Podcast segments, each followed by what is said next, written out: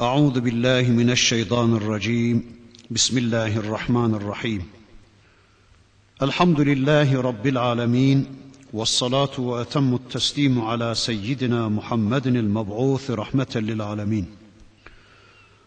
اللهم لا سهل إلا ما جعلته سهلا وأنت تجعل الحزن إذا شئت سهلا.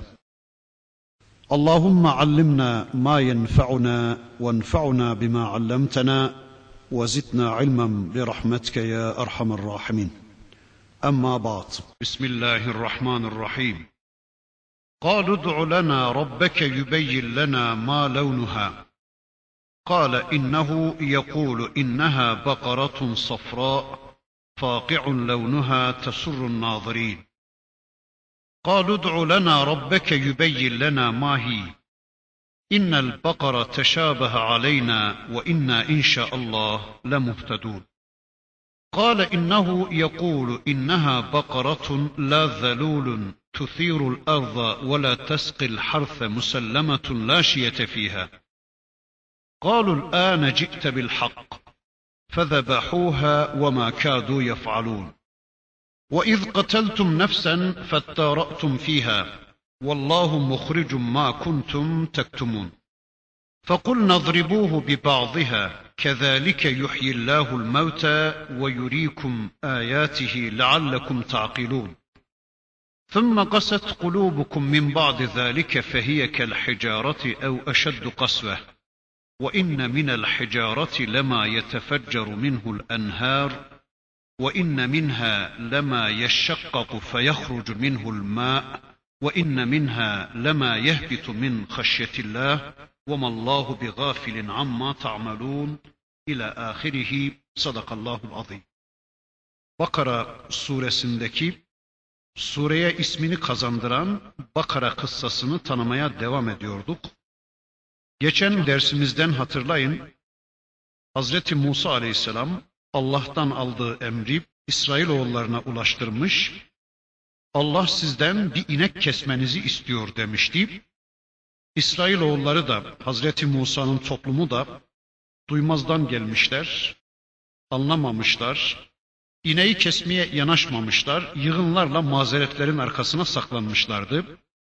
Aradan bir beş on yıl geçtikten sonra tekrar geliyorlar Hazreti Musa Aleyhisselam'ın yanına ve bakın diyorlar ki قَالُ دُعُ لَنَا رَبَّكَ يُبَيِّنْ لَنَا مَا لَوْنُهَا Diyorlar ki ey Musa Rabbine dua et de bize bu ineğin rengini biraz daha açıklasın. Yani diyorlar ki tamam yapalım da ama bunun rengi ne olacaktı?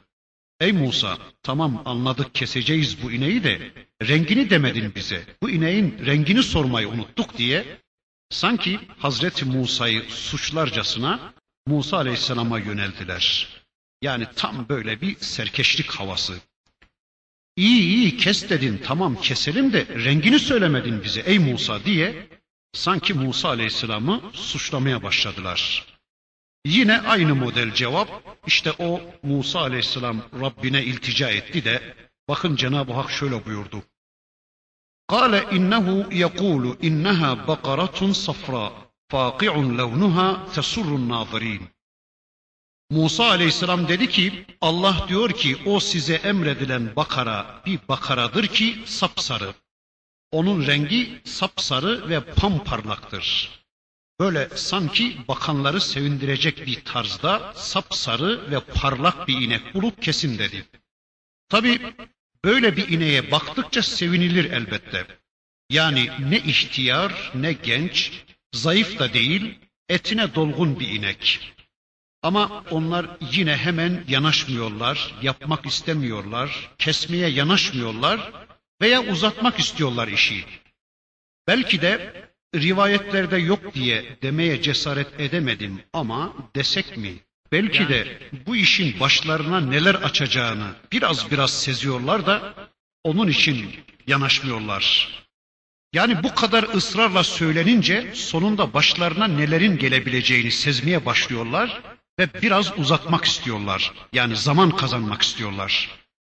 Çünkü bu ineği kestikleri zaman ölen kişinin katilleri de ortaya çıkacaktı. Bunu sezdikleri için bu işi uzatıp zaman kazanmak istiyorlar. aradan bir 5-10 yıl geçtikten sonra tekrar geliyorlar ve bakın Allah'ın elçisi Hazreti Musa Aleyhisselam'a diyorlar ki قَالُ دُعُ لَنَا رَبَّكَ يُبَيِّنْ لَنَا مَاهِ Dediler ki ey Musa dua etsen de Rabbine bu işin mahiyetini biraz daha açıklasa bize. Çünkü innel bakara teşabehe aleyna. Çünkü biz biliyoruz ki bütün bakaralar birbirine benzerler. Yani böyle aklımız karıştı. Bilemiyoruz, ayırt edemiyoruz. Bu kadarcık bilgi yetmez ki bize. Çünkü ey Musa sen de biliyorsun ki bütün inekler birbirlerine benzemektedir. Biraz daha açıklansa da neyi keseceğimizi biz de bir bilebilsek diyorlar. Yani tam böyle şeytanca bir tavır veya tam İsrailoğulları tavrı. Yani tam Yahudi tavrı. Hani diyorum ki toplumu tanımasak, Hazreti Musa Aleyhisselam'ı bilmesek, Musa Aleyhisselam'ın onlara karşı şefkatini, merhametini bilmesek, e neredeyse doğru ya, adamlar haklı diyecektik. E ne yapsın adamlar? Gerçekten hangi ineği keseceklerini bilemediler diyecektik. Yani adamlar baya baya adam gibi laf ediyorlar. Tamam inek keselim de e ama bu inek nasıl bir inek yani? Bu ayan beyan açıklansın diyorlar. E sanki böyle bir mazeretleri var da onun için itiraz ediyorlar diyesimiz geliyor. E şimdi bizde de öyle değil mi durum? Mesela zekat hesabında böyle davrananlar biliyoruz bugün. Evbar konusunda böyle davrananlar, ihtiyaç felsefesinin tespiti konusunda böyle davrananlar biliyoruz bugün. Veya sosyal ilişkilerde siyasal bakış açısı konularında böyle davrananlar biliyoruz. Mesela adam kafaya donduruyor partisiz olmazı veya parasız olmazı kafaya donduruyor veya işte kadın erkek beraberliğini kafaya donduruyor adam. Tüm bu konularda bir hüküm koyuyor ortaya. Ondan sonra da buna nice deliller, nice yan ürünler, yan destekler bulmaya çalışıyor. İşte aynen bunların mantığı. Allah dedi ya tamam ondan da çıkamıyor. Onu zaten yapacağım da diyor ama geri kalanını hep kendine göre ayarlayıp gidiyor. Bakın geliyorlar Musa Aleyhisselam'a diyorlar ki ey Musa dua et hele Rabbına da biraz daha açıklansın diyorlar. Ve inna inşaallah le muhtedun. İnşallah kesinlikle biz buna bir yol bulacağız diyorlar. Yani inşallah böyle bir inek bulacağız. Hele biraz daha tarif edilsin, biraz daha açıklansın diyorlar. قال إنه يقول إنها بقرة لا ذلول تثير الأرض ولا تسقي الحرث Öyle bir inek ki ne yeryüzünü sulamada kullanılmış ne de ekmede ve ne de dikmede kullanılmamış bir inek olacak. Yani ne ekin ekmede ne çift sürmede ne de tarla sulamada kullanılmamış bir inek olacak. Başka musellemetün bir de boyundurukla vurulmamış bir inek. Yani başı boş ya da başına buyruk, kendi başına müsellem yani kendi başına salim bir inek. Hiç boyunduruk vurulmamış, çifte koşulmamış, ne tarla sürmede ne de ekin sulamada kullanılmamış bir inek olacak. Bir de la şiyete fiha. Yani böyle alacası da olmayacak. Alasız, alacasız bir inek. Qalul âne ci'te bil hak. Dediler ki ha işte şimdi hak söyledin ey Musa. Diyorlar ki bakın ha şimdi doğru söyledin ey Musa. Şimdi tamam. Şimdi oldu bu iş. E ötekiler ötekiler olmamıştı sanki. Yani Hazreti Musa'nın önceki dedikleri yalandı sanki. Hayır, ötekiler de haktı. Ötekiler de doğruydu ama yapmadıklarını kamufle ediyorlardı alçaklar. Yani yapmayışlarını, kesmeyişlerini kamufle etmeyi düşünüyorlardı alçak. Yani bu zamana kadar niye yapmamışlardı bu işi? Niye böyle bir ineği bulup hemen kesmemişlerdi? E, anlayamamışlardı canım. Ne yapsın da adamlar? Ya da o zaman henüz hakikat beyan edilmemişti de e, ne yapacağımızı şaşırmıştık diyorlar. Veya Allah'ın elçisi Hazreti Musa Aleyhisselam'a diyorlar ki işte ey Musa o zamanlar sen bizimle alay ediyordun. O zamanlar sen bizimle dalga geçiyordun. Ha şimdi hakkı söyledin. Şimdi doğru söyledin. Şimdi oldu diyorlar. Ondan sonra da onu boğazladılar. Yani o ineği kesebildiler. Bakın Allah diyor ki وَمَا كَادُوا يَفْعَلُونَ Onu boğazladılar ama neredeyse yapamayacaklardı bu işi. Yani neredeyse kesemeyeceklerdi. Çünkü bu iş aslında onların peygambere kafa tutma işiydi. Yani baya baya da ileri gitmişler, ukalalık etmişler. Allah'ın elçisi Hazreti Musa Aleyhisselam'a karşı gelmişler, laf dinlememişlerdi. Ama biraz daha ileri giderlerse kesin biliyorlardı ki helak olacaklardı. Allah kendilerini helak edecekti. Bunun da şuurundaydılar. Çünkü yapamamak değildi mesele, yapmamaktı. Yani böyle bir ineği bulamamak değildi mesele, bulmamaktı. Kesememek değildi mesele, kesmemekti. Ama ayetin devamında anlatıyor Rabbimiz, sonunda ağızlarından bir inşallah sözü de çıkıvermişti. Ulemanın ifadesine göre ağızlarından böyle bir söz çıkmasaydı, yani inşallah sözü çıkıvermeseydi, neredeyse kesemeyeceklerdi bu ineği. İnşallah dedikleri için Allah onları bu işte muvaffak kıldı denmiş. Ve inna inşaallah le muhtedun. İnşallah buna bir yol bulacağız. İnşallah biz bu ineği bulacağız. İnşallah bu ineği kesmeye bir yol bulacağız diyorlar. Bu ayet inşallah sözünün etkisini anlatan ayetlerden birisidir diye gündeme getirilmiş. Bakın bunlar da inşallah diyorlar ve sonunda ancak bu kadar becerebiliyorlar. Hani Peygamberimiz Efendimiz de bir seferinde yarınki bir iş için inşallah dememişti veya inşallah demeyi unutmuştu da Allah uyarıda bulunmuş ve o da pişman olmuştu. Kehf suresinde Rabbimiz bakın bu hususu şöyle anlatır.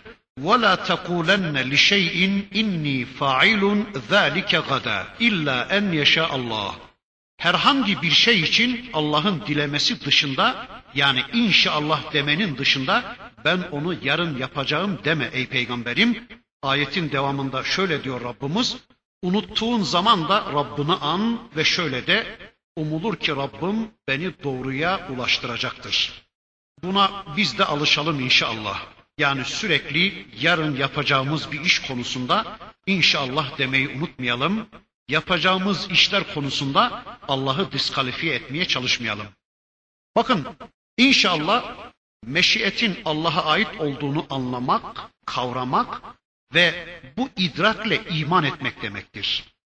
Meşiyet dilemek demektir. İnşallah demek de Allah dilerse, Allah isterse, Allah izin verirse demektir. Yani bu elde bir diyeceğiz bir kere. Ama Allah dilerse dedikten sonra yani inşallah dedikten sonra kişi kendinin dilemesini mutlak ortaya koyarsa Allah korusun bu Allah'la dalga geçmek demektir. Yani yapacağı herhangi bir iş konusunda inşallah der de bir adam yani Allah dilerse, Allah izin verirse der de ama bu işe kendini mutlak etkin ve yetkin zanneder ve öyle davranmaya kalkarsa Allah korusun işte bu inşallahla dalga geçmek demektir. Mesela birisine kafayı taktı bir delikanlı onunla evlenecek. Tamam inşallah diyor ama öyle ısrar ediyor ki her çareye başvuruyor. İlla da evlenecek onunla.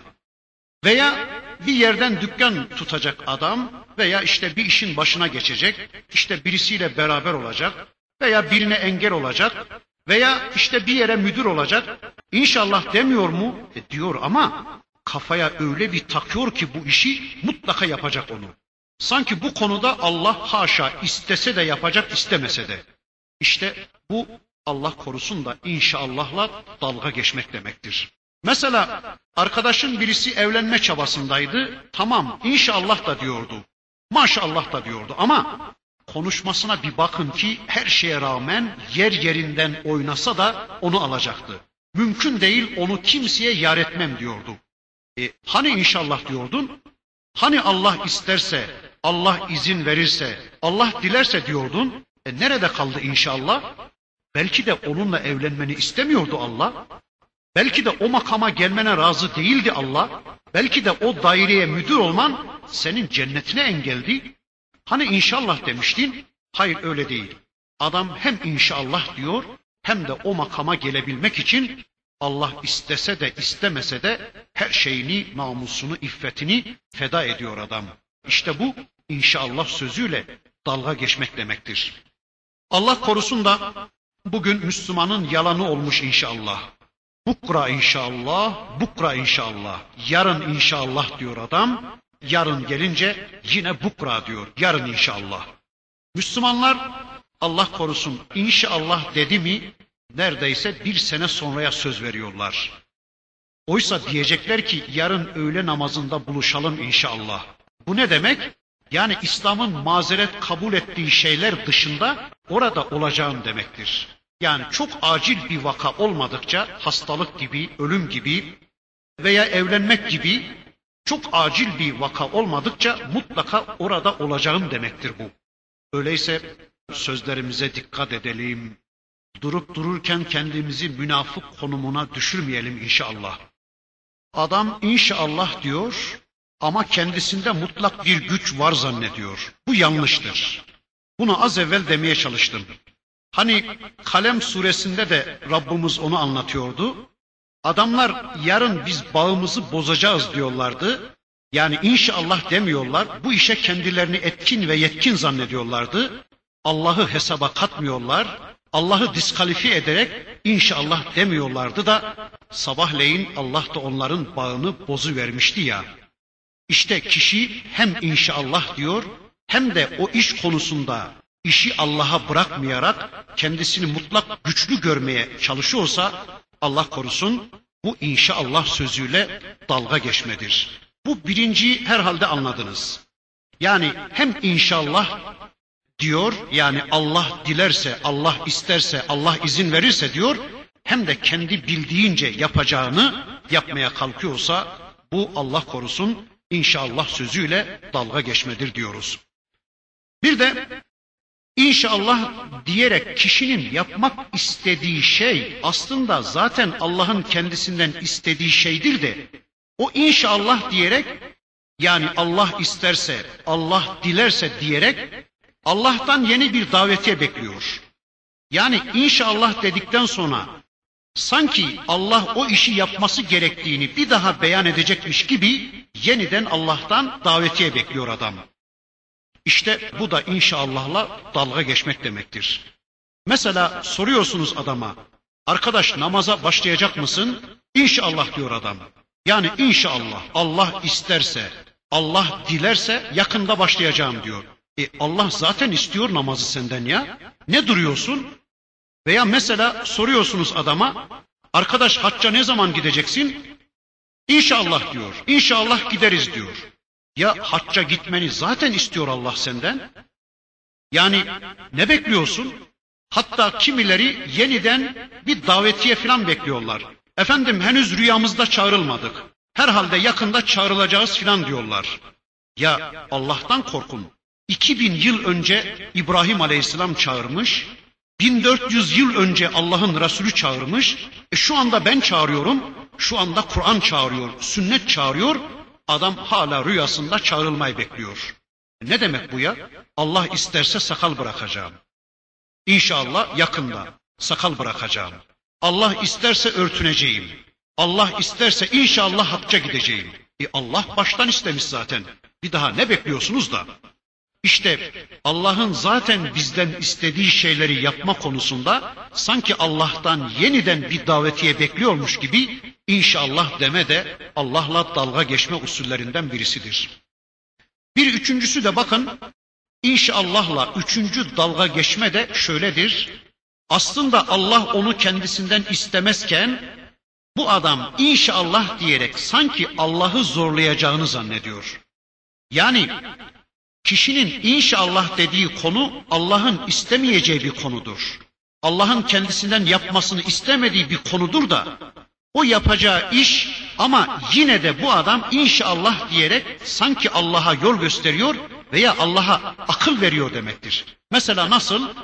Mesela adam meyhane açmaya çalışıyor ve inşallah Allah izin verirse yakında açacağız diyor. Yani bütün hazırlıkları tamamladık. İnşallah yakında meyhaneyi hizmete sokacağız diyor. Ya Allah izin vermez ona? Allah istemez onu. Sen nereden çıkardın bunu?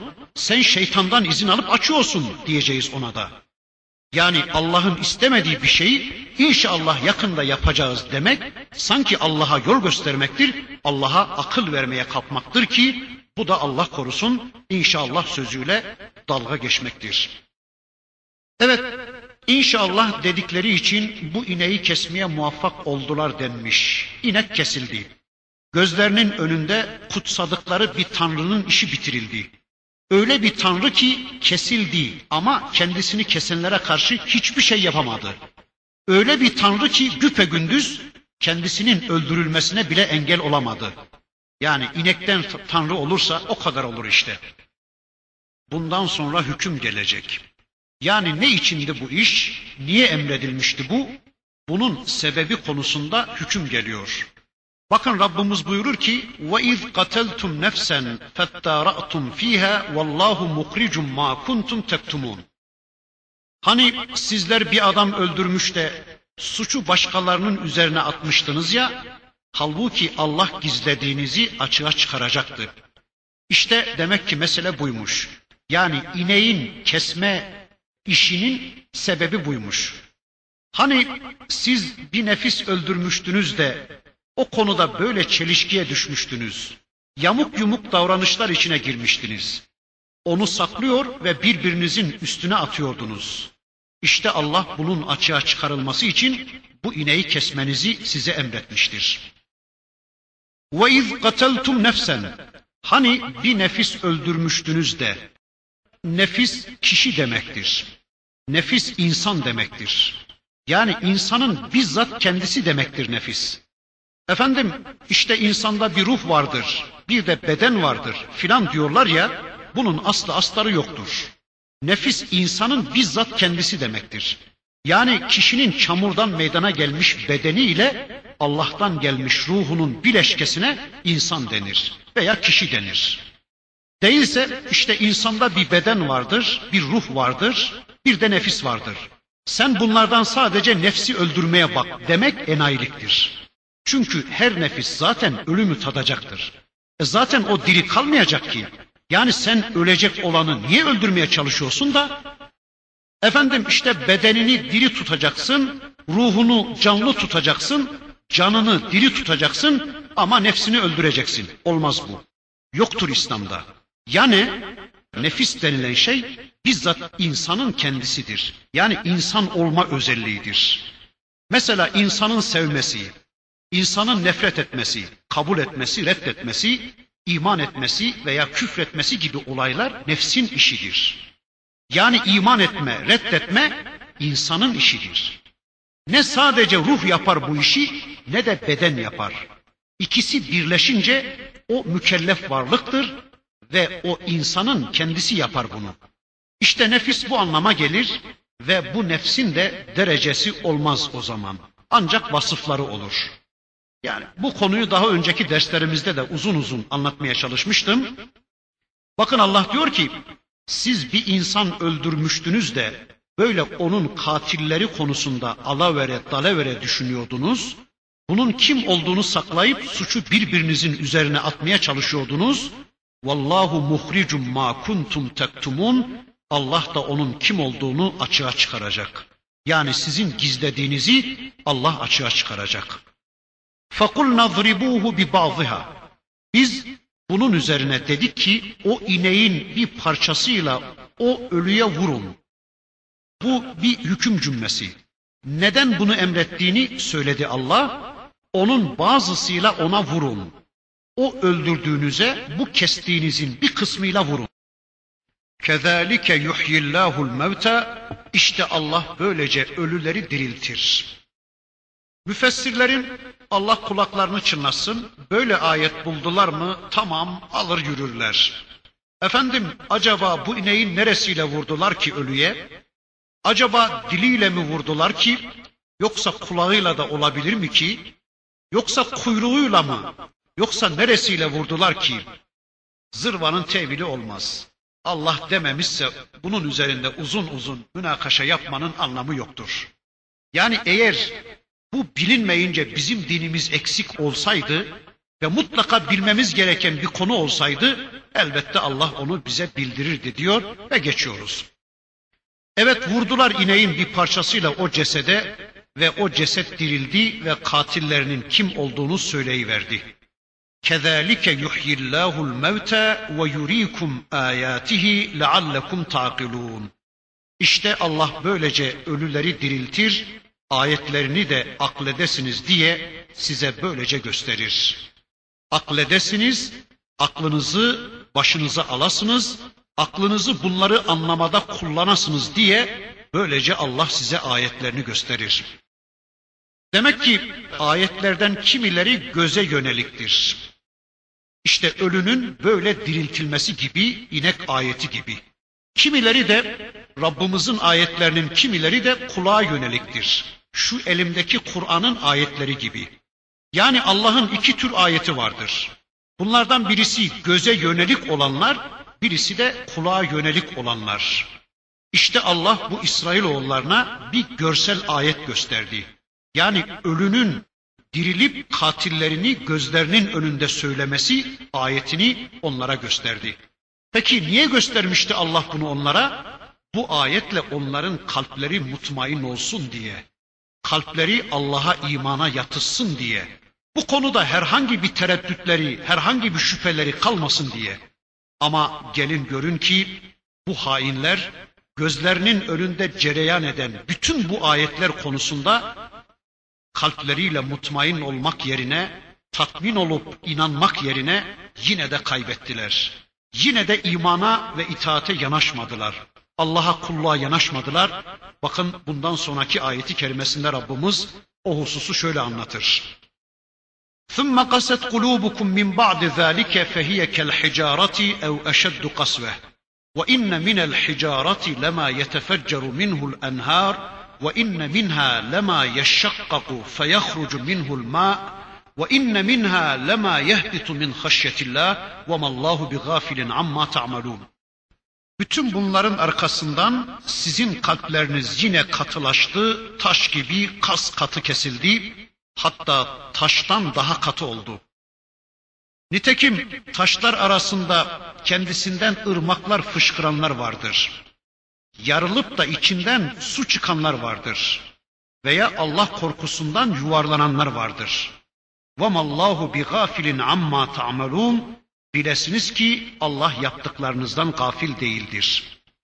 Evet burada diyor ki Rabbimiz size görsel bir ayet gösterdik ey İsrailoğulları. Size meşhut bir ayet gösterdik. Yani gözünüzün önünde bir ölüyü canlandırdık. Size meşhut bir ayet gösterdik. Bundan sonra da erimesi gereken kalpleriniz taş gibi kas katı kesiliverdi. Hatta taştan daha katı kesiliverdi diyor Rabbimiz. Burada Rabbimiz kafirin kalbiyle taş arasında çok hoş bir mukayese yapacak. Kafirin kalbini ortaya koyacak. Bakın diyor ki وَاِنَّ مِنَ الْحِجَارَةِ لَمَا يَتَفَجَّرُ مِنْهُ الْاَنْهَارِ Taşlardan niceleri vardır ki ondan pınarlar fışkırır, nehirler fışkırır. Ve inne minha lema yeşşakkaku feyahrucu minhul ma. Yine niceleri de vardır ki şak şak yarılıp içinden sular akar. Yani kimi taşlar da vardır ki pınarlar fışkırtmasalar bile sızarlar. Yani şak şak olmuştur kayalar, taşlar da Allah'ın ayeti olan su taşı etkilemiş, sızma yeri bulmuştur kendisine.'' Ve inne minha lema yehbitu min haşyetillah. Yine kimi taşlar da vardır ki Allah korkusundan aşağıya doğru yuvarlanırlar. Şöyle anlıyoruz bunu. Hani demin Allah'ın iki tür ayetinden bahsetmiştik. Birisi şu kitabın ayetleri, ötekisi de Allah'ın tabiatta yarattığı meşhut ayetler diye. İşte soğuk, sıcak, gündüz, gece, güneş, oksijen, hava, su Allah'ın ayetleridir bunlar. Bakın taşlar bile bu ayetler karşısında donuk kalamıyor. Taşlar bile bu ayetler karşısında hissiz kalamıyor, nötr kalamıyor. Bunlardan etkileniyor da paramparça oluyorlar. Yani fiziksel bir parçalanmayla parçalanıp aşağıya doğru yuvarlanıyor. Veya taşlar Allah'ın su ayetinden etkileniyor da suya yol vermek zorunda kalıyor. Ya da taşlar Allah'ın rüzgar ayetinin etkisiyle düşüyor, paramparça oluyor. Yani ayetlere boyun eğiyor taşlar. Ayetler karşısında etkilenip şekil alıyor taşlar. Bu kadar salabet sahibiyken taşlar, bu kadar güçlülük ve metanet sahibiyken taşlar bile Allah'ın ayetleri karşısında böyle eriyor da Allah'ın ayetleri taşların bile kalbine nüfuz edebiliyorlar da lakin bu kafirlerin kalbi taş gibi değil ondan daha kas katı olarak hiç etkilenmiyorlar. Gerek Allah'ın şu kitabının ayetlerinden gerekse Allah'ın meşhut ayetlerinden hiç etkilenmiyorlar. Allah'ın ayetleri bunların kalplerine nüfuz edemiyor. Allah'ın bu ayetleri karşısında erimeliydi, etkilenmeliydi. Suyun yol bulması gibi rahmet yol bulmalıydı bunların kalbinde de ama görüyoruz işte olmuyor. Siz bilirsiniz diyor Allah ayetin sonunda. وَمَا اللّٰهُ بِغَافِلٍ عَمَّا تَعْمَلُونَ Allah yaptıklarınızdan asla gafil değildir. Sonunda sizi hesaba çekecek olan Allah'tır diyor. Sonra bakın Rabbimiz Medineli Müslümanlara hitaben onların şahsında aynı zamanda bize de hitaben şöyle diyor. اَفَتَطْمَعُونَ اَنْ يُؤْمِنُوا لَكُمْ وَقَدْ كَانَ فَر۪يقٌ مِّنْهُمْ يَسْمَعُونَ كَلَامَ اللّٰهِ ثُمَّ يُحَرِّفُونَهُ مِنْ بَعْدِ مَا عَقَلُوهُ وَهُمْ يَعْلَمُونَ Ey Müslümanlar! Bu Yahudilerin size inanacaklarını mı umuyorsunuz? وَقَدْ كَانَ فَر۪يقٌ مِّنْهُمْ يَسْمَعُونَ كَلَامَ اللّٰهِ ثُمَّ يُحَرِّفُونَهُ Halbuki onlardan bir grup Allah'ın kelamını dinler, hakkı anladıktan sonra min ba'di ma akaluhu ve hum ya'lemun kelamı dinledikten, hakkı anladıktan sonra bile bile hakkı değiştirirlerdi. Medineli Müslümanlara yönelik ama bize de hitap eden bir ayetle karşı karşıyayız. Medineli Müslümanlar böyle bir ümit içinde Yahudilerin Müslüman olacaklarını bekliyorlardı. Çünkü daha önceleri putperest olup sonradan Müslüman olan Medineli Müslümanlar ahir zaman nebisinin geleceğini bu Yahudilerden duymuşlardı. Bunlar bu Müslümanlar önceden puta tapan insanlardı. Komşuları olan Yahudiler tek Allah inancında olduklarını iddia ediyorlar ve onlara şöyle diyorlardı. Bizler kitabımız Tevrat'tan öğrendik ki yakında Muhammed isminde, Ahmet isminde bir ahir zaman peygamberi gelecek. Hele bu peygamber bir gelsin, onun arkasında saf bağlayıp size de putlarınıza da putçuluğunuza da yakında son vereceğiz diye o Araplara karşı, putperest Araplara karşı Yahudiler böyle tehditte bulunuyorlardı. İşte günün birinde Mekke'den gelen bir kervandan Yahudilerin yıllardır bahsettikleri bu peygamberin Mekke'de zuhur ettiğini haber alan Medineli müşrikler, müşrik Araplar hemen kulak kabarttılar. Bu galiba bizim bu konudaki üstadlarımız, hocalarımız olan Yahudilerin haber verdiği peygamber Muhammed Aleyhisselam galiba Mekke'de zuhur etti. Bu Yahudilerden önce ona biz inanalım. Bu işi onlara kaptırmayalım. Bu şerefe onlardan önce biz sahip çıkalım diyerek hemen bu putperest Araplar, Medineli putperest Araplar bir heyet gönderdiler ve Akabe'de Allah'ın Resulü Hazreti Muhammed Aleyhisselam'la buluşarak Müslüman oldular. Onun için Medineli bu Müslümanlar Yahudilerin Müslüman olmalarına kesin gözle bakıyorlardı. Yani bugün olmazsa yarın mutlaka bunlar Müslüman olacaklar diye bekliyorlardı. Peygamberimiz ve Müslümanlar Medine'de bu Yahudileri İslam'a kazandırabilmek için ellerinden gelen her şeyi yaparak ciddi bir çaba içine giriyorlardı. Çünkü zaman zaman bu Yahudilerin ağzından ümit verici işaretler de alıyorlardı. Düşünüyorlardı ki ellerinde büyük bir nüfuz bulunduran bu adamlar, bu Yahudiler eğer İslam'a girerlerse İslam dev adımlarla geniş kitlelere yayılma imkanı bulacaktı. Bu yüzden Müslümanların başta peygamberimiz olduğu halde Medine'deki Müslümanların böyle büyük bir umutla onlara yönelmeleri söz konusuydu. İşte Müslümanların peygamberimiz başta olmak üzere Müslümanların ümitle bu Yahudi toplumuna yönelmeleri çabaların boşa gitmesine sebep oluyordu. Yani bu beklenti Müslümanları ruhsal yönden de zayıflatacak bir noktaya gelmişti. Onun için Allah onların bu ümitlerini yok etmek, e, böylece onların bütün kirli çamaşırlarını ortaya dökmek istedi. Müslümanlar dün kendilerine akıl hocalığı yapmaya çalışan bu Yahudilere diyorlardı ki, hani bir peygamber gelecek diye bekliyordunuz? Hani ona tabi olup da bizim putlarımızı kıracağınızdan söz ediyordunuz? E işte beklediğiniz geldi. Hadi ne duruyorsunuz? Neden hemen ona iman etmiyorsunuz deyince Yahudiler hemen bunu değiştiriverdiler. Yani tavırlarını değiştiriverdiler. Dediler ki bizim beklediğimiz bu değildi. Bizim beklediğimiz Yahudi ırkından gelecekti deyiverdiler. Yahudiler hemen bunu değiştiriverdiler. Yani tavırlarını değiştiriverdiler.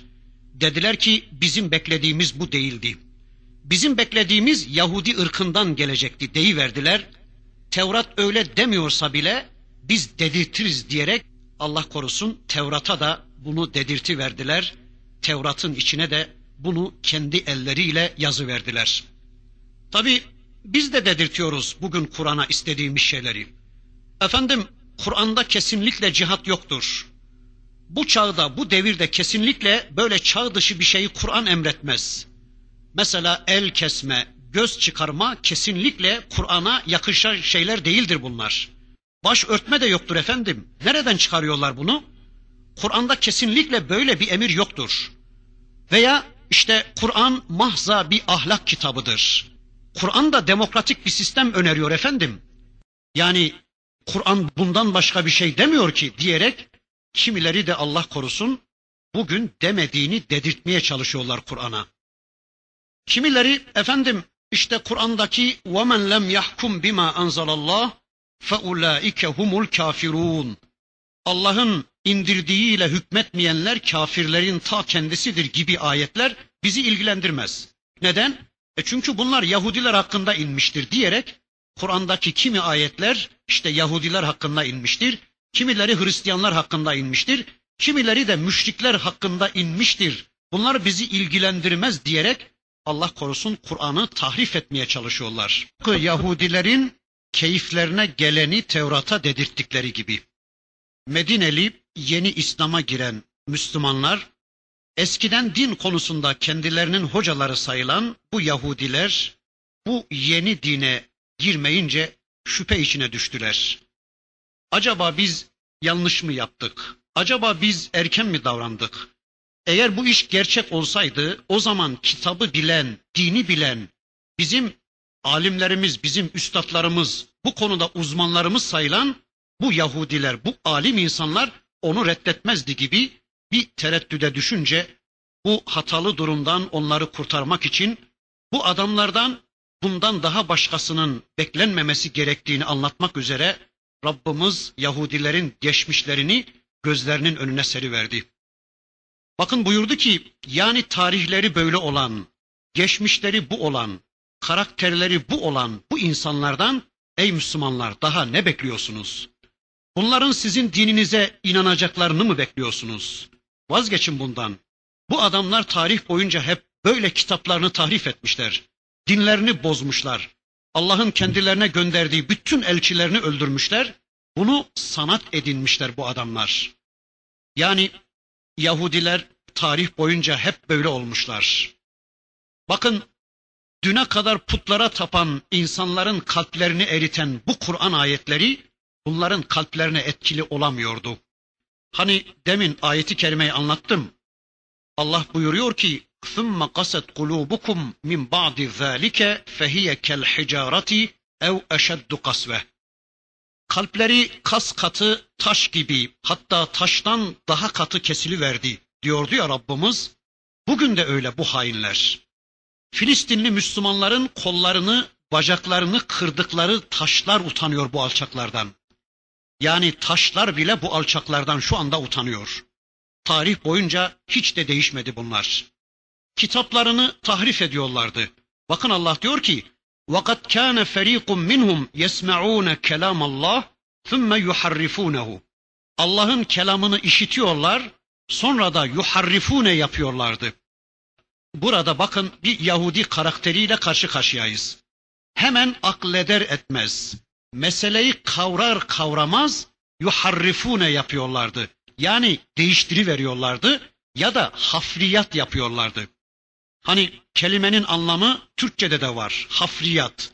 Böyle alt üst yapmak demektir. Altını üstüne, üstünü altına getirmek demektir. İşte bunlar kelamı anladıktan sonra Allah'ın muradını, kelamı ilahideki Allah'ın muradını kavradıktan sonra, aklettikten sonra alt üst ediyorlar. Alabora ediyorlar, değiştiriveriyorlardı. Hem de bu işi yaparken anlayamadıklarından, bilemediklerinden filan değil. Bakın Allah diyor ki min ba'di ma akaluhu ve hum ya'lemun. Aklettikten sonra, akılları erdikten sonra bilerek bile bile yapıyorlardı bunu. Hani bilmeyen cahil birinin yanlış yapması ayrıdır, bilen birinin yanlış yapması ayrıdır. Yani bilen birileriydi bunlar. Hainliğine yapıyorlardı bunu. Meseleyi anlıyorlar. Ha, bu bizim varlığımızı ortadan kaldıracak. Eğer biz buna iman edersek bu bizim statümüzü bitirecek. Bu bizim koltuğumuzu devirecek diyorlar ve hemen değiştiriveriyorlar alçaklar. Dün de bugün de bu ayeti teyit edercesine Yahudiler bu dine karşı gelmişler. Yani ilk defa inanması gerekenler kendileri olması gerekirken ilk düşman olma özelliklerini sürdürmüşlerdir. Hani bir başka yerde de zannediyorum Nisa suresindeydi. Rabbimiz şöyle diyordu. Yuharrifunel kelime amma vazihi. Kelimeleri yerlerinden değiştiriyorlar. Yani Allah o kelimeleri ne için vaz etmişse onları vaz olundukları mananın dışına çıkarıyorlar. Farklı manalar yüklüyorlardı. Ya da ayetleri mevzilerinden, yerlerinden yani vaz olundukları sure bütünlüğünden koparıp farklı farklı yerlerde değişik değişik kalıplara döküp farklı farklı anlamlar kazandırıyorlardı. Yani ayetleri Kur'an bütünlüğünden, sure bütünlüğünden koparıp cımbızla çekercesine başka yerlerde başka kalıplara dökerseniz elbette onlara Allah'ın yüklemediği manaları yüklememiz mümkün olacaktır. Mesela bakın Zümer suresinde bir ayet vardı. Kul hel yestevillezine ya'lemune vellezine la ya'lemun. De ki peygamberim hiç bilenlerle bilmeyenler bir olur mu ayetini cımbızla çıkarır gibi sure bütünlüğünden koparıp yani ayetin siyak sıbak ilişkisini bitirince bakın ki Müslümanlar ne manalar kazandırmışlar ona. Efendim matematik bilenle bilmeyen bir olur mu? İşte fizik bilenle bilmeyen, botanik bilenle bilmeyen veya mühendislik bilenle bilmeyen bir olur mu? Müslümanlar bugün bu ayete bu manaları kazandırmışlar. Halbuki ayetin kastı bu değildi. Vaz olunduğu maksat bu değildir. Peki ne anlatıyor Allah bu ayetinde bize? Ayeti kerimeyi eğer sure bütünlüğü içinde anlayacak olursak bakın Allah şöyle diyor. Ayetin üstüyle altıyla birlikte düşünecek olursak Allah diyor ki nimetin sahibi Allah'tır. Şu anda istifade ettiğiniz, sahip olduğunuz her şeyinizi size Allah vermiştir. İşte bu gerçeği bilen ve anlayan, bu nimetlerin tümünün sahibi Allah olduğunu bilen, anlayan ve bu nimetlerin tümünü sahibi olan Allah yolunda kullanan kişiyle bunu bilmeyen bir olur mu diyordu Rabbimiz. İşte ayeti kerime bize bunu anlatıyordu. Ama Müslümanlar bu ayeti kerimeyi cımbızla söktüler, surenin içinden çıkardılar, siyah sibak ilişkisini kopardılar. Böylece farklı yerlerde farklı anlamlar kazandırdılar ve işte demin ifade ettiğimiz gibi bilenle bilmeyen bir olur mu diye yığınlarla manaları bu ayet-i kerimeye yükleyiverdiler. Maalesef Yahudinin yaptığı bu kitabı tahrif işini Müslümanlar da çok yapmışlar. Ayetleri yerlerinden söküp başka başka yerlerde başka başka kalıplara dökerek başka başka anlamlar yükleme işini çok yapmışlar. Mesela bakın Kur'an'da şehit diye bir kavram vardı. Şehit yaşadığı hayatla Allah'ın varlığına şahitlik eden kişiydi. Şehit Allah adına hayatını feda eden kişiydi. veya bir başka anlamıyla şehit ilahi kelimatullah uğrunda ölümü oğul balı gibi yudumlayan insan veya başkalarının dirilişi için kendini feda eden insandı. Ama Müslümanlar bu kavramı mevzisinden kopardılar, Kur'an bütünlüğünden, sure bütünlüğünden kopardılar veya vaz olunduğu yerden çıkardılar, farklı yerlerde farklı kalıplara döktüler ve karşımıza çok farklı şehit anlayışları çıkıverdi. İşte devrim şehidi, demokrasi şehidi vesaire vesaire. Veya daha önceki derslerimizde uzun uzun arz etmeye çalıştım. Mesela Kur'an'da veli diye bir kavram vardı. Veli, Müslümanlar adına onlara danışmadan tek taraflı karar verme makamında olan kişi demektir. Veli, vali, vilayet de buradan gelir. Vali, vilayet. O da Müslümanlar adına onlara danışmadan karar verme makamı veya o makamda oturan kişi demektir vali. Ve Allah diyor ki bakın kafirlerin Müslümanlar üzerinde velayet hakkı yoktur. Ne demek bu? Yani Müslüman olmayanlar velilik makamına, valilik makamına, velayet, vilayet makamına oturtulmamalıdır. Müslüman olmayanlar Müslümanlara danışmadan onlar adına karar verme makamına getirilmemelidirler. Galiba Müslümanların gözünde bu manayı kamufle ederek valilik makamına, vilayet makamına ya da Müslümanların idarecilik makamlarına birileri oturtmak için mi bilmiyorum. Bu kavramı Kur'an bütünlüğünden cımbızla söküp çıkardılar, farklı anlamlar yüklemeye çalıştılar. Allah'ın düşmanı Yahudilerin yaptıkları şeyi Müslümanlar da yapıyorlar. Farklı kitaplarda farklı kalıplara döktüler ve karşımıza farklı bir veli anlayışını çıkarıverdiler. Efendim işte veli gökte alan, yerde yiyen, gaybı bilen, kalpten geçenlere muttali olan, işte denizde yürüyen bir insan tipi olarak karşımıza çıkıverdi. Mesela Kur'an'da zikir kavramı değiştirilmiş, takva kavramı değiştirilmiş, kıraat kavramı değiştirilmiş, ihsan kavramı, dua kavramı, lanet kavramı, iman kavramı, kabul ve red kavramları, cennet ve cehennem kavramları, hatta namaz kavramı bile değiştirilmiş. Yani bu kavramlara Allah'ın yüklediği anlamlar unutulmuş, farklı farklı anlamlar verilmiş. Evet Allah diyor ki bakın yesmaune kelamallahi thumma yuharrifunehu min ba'di ma akaluhu ve hum ya'lemun. Evet onlar Allah'ın ayetlerini, Allah'ın kelimelerini tahrif ediyordular. Yani bu Yahudi ve Hristiyanlar veya işte bugünün ehli kitabı olan Müslümanlar kitabı bilenler eğer kitapla yaşamıyorlarsa herhalde bu noktaya düşmüş olacaklardır. Yani bu kaçınılmaz bir sonuçtur. Şöyle bir daha ifade edeyim bunu. Yani eğer adamın hem kitaptan haberi var, hem ben kitap ehliyim, benim kitabım var diyor, kitabından haberi var, hem de kitaptan habersiz, kitabın içeriğinden, kitabın muhtevasından habersiz ve kitaba ilgisiz bir hayat yaşıyorsa elbette kelamı vaz olunduğu mananın işte ötesine berisine taşıracak, elbette tahrifat yapmak zorunda kalacaktır. Yani yuharrifunehu yapmak mecburiyetinde kalacaktır. Yani Allah ondan o ayetten ne kastederse etsin, o kendi kastını, kendi anlayışını o kelama yüklemeye çalışacak ve aynen Yahudinin yaptığını yapacaktır. Bugünün insanlarından kim bu konuya örnekse onların hepsi buna girmektedir. Yani aklediyor manayı, anlıyor ama düzenini bozmasın diye, konumumu değiştirmesin diye döndürüp dolaştırıp farklı manaya çekebileceği bir yol arıyor adam kendine. Mesela adamlar okuyorlar ayetleri, efendim işte burada tarikat anlatılıyor. Veya okuyor adam ayeti işte burada parti anlatılıyor. Veya burada işte bilimsel çalışma, burada örgütsel anlatım, burada zengin olmak anlatılıyor. Veya burada efendim bu ayeti kerimede doktor olmak anlatılıyor. Mutlaka doktor olmalıyız. Ya da işte burada bizim şeyhimiz anlatılıyor. Burada bizim kavmimiz, burada bizim ırkımız, bizim haberimiz, bizim liderimiz anlatılıyor. Burada bunlar anlatılıyor.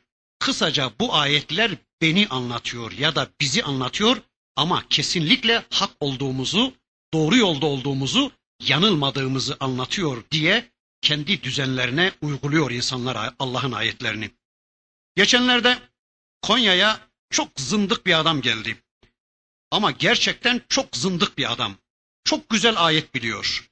Mesela yüz kadar ayet okudu ama işin garibi Allah şahidim hepsini yanlış okudu. Ayeti okuyor ama ayetin ne anlama geldiğini hemen değiştiriveriyor. Hele hele aklımda kalan bir tanesi gerçekten çok bariz. Hani ileride Bakara suresinde gelecek Rabbimiz buyurur ki Billah Femen yekfur bit tağuti ve yu'min billah fekad istemseke bil urvetil vufka len fisame leha. Hani şöyle diyordu Rabbimiz kim tağutu küfreder ve Allah'a inanırsa fakat istemseke bil urvetil vufka böyle sapa sağlam bir kulpa tutunmuştur ki len fisame leha asla kopmaz, kopmayan, kopması olmayan sapa sağlam bir kulpa tutunmuştur diyordu Allah. Adam bu ayet-i kerimeyi okudu. Dedi ki bu sapa sağlam kul şeyhin eliymiş. Öyle diyor adam. Yani tarihte hiç denilmemiş yani bu. Bu sapa sağlam kul Kur'an'dır diye herkes böyle söylüyor. İslam'dır demişler, Kur'an'dır demişler, şeriattır diye herkes böyle söylüyor. Ama adam böyle diyor. Yani bu sapa sağlam kul şeyhin eliymiş. Allah korusun kendi kendine mala, manalandırıyor ayetleri. İşte bu Allah korusun tıpkı Yahudinin yaptığını yapmak yani ayetleri tahrif etmektir. Bazen bizim de şöyle oluyor. Öğrendiğimiz ayetler hayatımızı mutlaka değiştirmelidir. Yani her öğrendiğimiz bir ayet önceki hayatımızı mutlaka değiştirmelidir. Yani çizgimiz hep İslam, İslam gitmeliyken öğrendiğimiz ayetlerdeki artma oranı bizim hayatımızdaki değişikliklerle aynı oranda değilse, hiç olmazsa at başı değilse o zaman Allah korusun biz de aynı durumdayız demektir. Yani bunu bir daha söyleyeyim. Ayeti okuyoruz tamam. Anladık diyoruz, tamam diyoruz, anladık diyoruz, inandık diyoruz ama hayatımız değişmiyor. Tamam, yeni bir şeyler öğrendikçe ve bu yeni öğrendiklerimiz eski İslam'ımızla, eski dinimizle çatıştıkça eyvah diyoruz. Bu güzeldir de ama yetmeyecektir bu değil mi?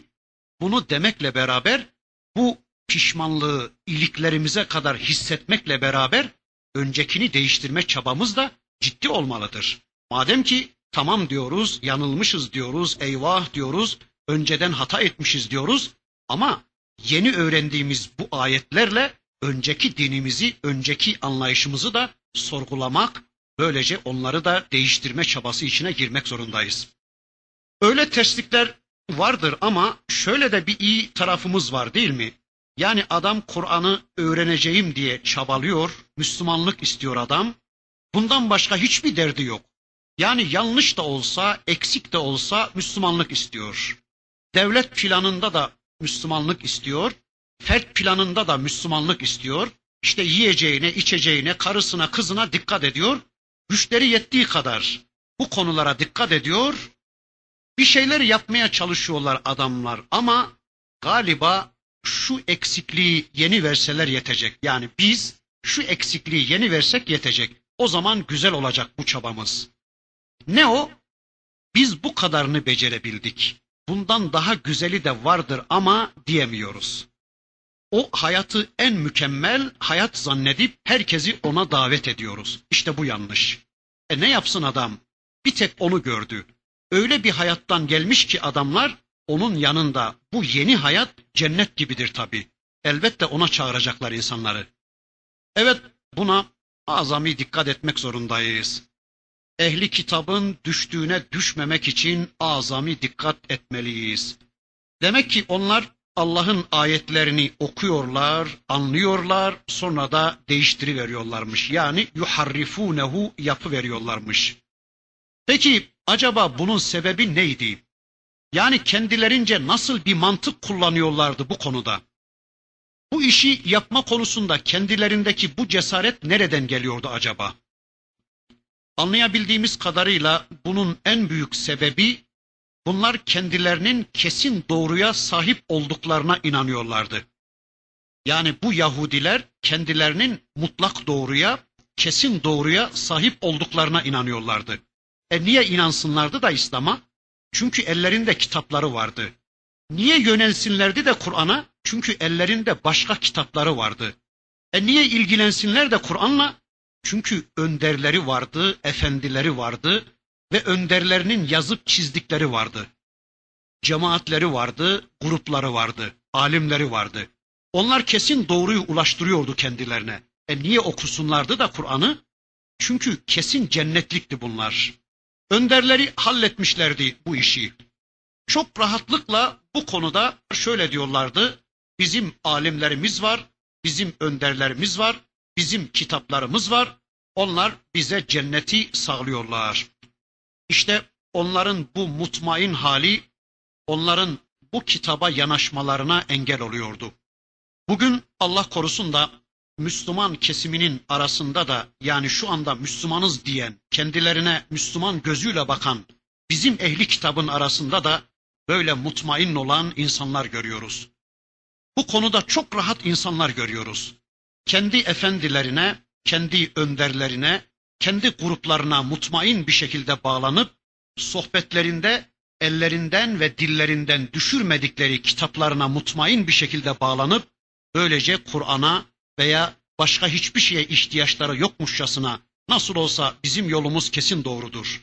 Nasıl olsa biz kesin cennetliyiz diyen Allah korusun insanların da bugün Kur'an'a yönelmeleri yani kulluk kitaplarını ellerine almaları ya da peygamberlerinin sünnetlerine yönelmeleri, peygamberinin hadis kitaplarına yönelmeleri gerçekten çok zor olmaktadır, çok zor oluyor. Müslümanlar, Allah şahit kimseyi itham etmiyorum. Ama Allah için durumlarımızı sorgulamak zorundayız. Durumlarımızı bir daha sağlamaya almak zorundayız. Bakın Yahudiye seslenen ama bizim kitabımızda olduğu için, bizim kitabımızın Bakara suresinde olduğu için onlardan önce bize seslenen bu ayetler karşısında durumumuzu bir daha sağlamaya almak zorundayız. Değilse Allah korusun şimdiki ehli kitap olan bizler yani bugünün ehli kitabı olan bizler Allah korusun dünkü ehli kitabın düştüğü konuma düşebiliriz. Hem bu dünyada hem de öbür tarafta kaybedenlerden olabiliriz. Bunu çok iyi düşünelim inşallah. Bakın bu Yahudiler üstelik bir de münafıklık da ediyorlar. Bundan sonraki ayeti kerimesinde Allah bu hususu anlatırken bakın şöyle diyor. وَاِذَا لَقُوا الَّذ۪ينَ آمَنُوا قَالُوا آمَنَّا Bu adamlar Müslümanlarla karşılaştıklarında biz de sizin gibi inanıyoruz derler. Biz de sizin gibi inanıyoruz, biz de sizin gibi iman ediyoruz derler. Yani Kur'an'a ve peygambere inandıklarını söylerler ama hayatları farklıdır, yaşayışları farklıdır. Hayatları sözlerine uymamaktadır, kalpleri dillerine uymamaktadır. İnşallah gelecek dersimizde bu ayeti kerimeden itibaren Bakara suresinin öteki ayetlerini tanıyabildiğimiz kadarıyla tanımaya çalışacağız. Allah hepinizden razı olsun. Velhamdülillahi Rabbil Alemin.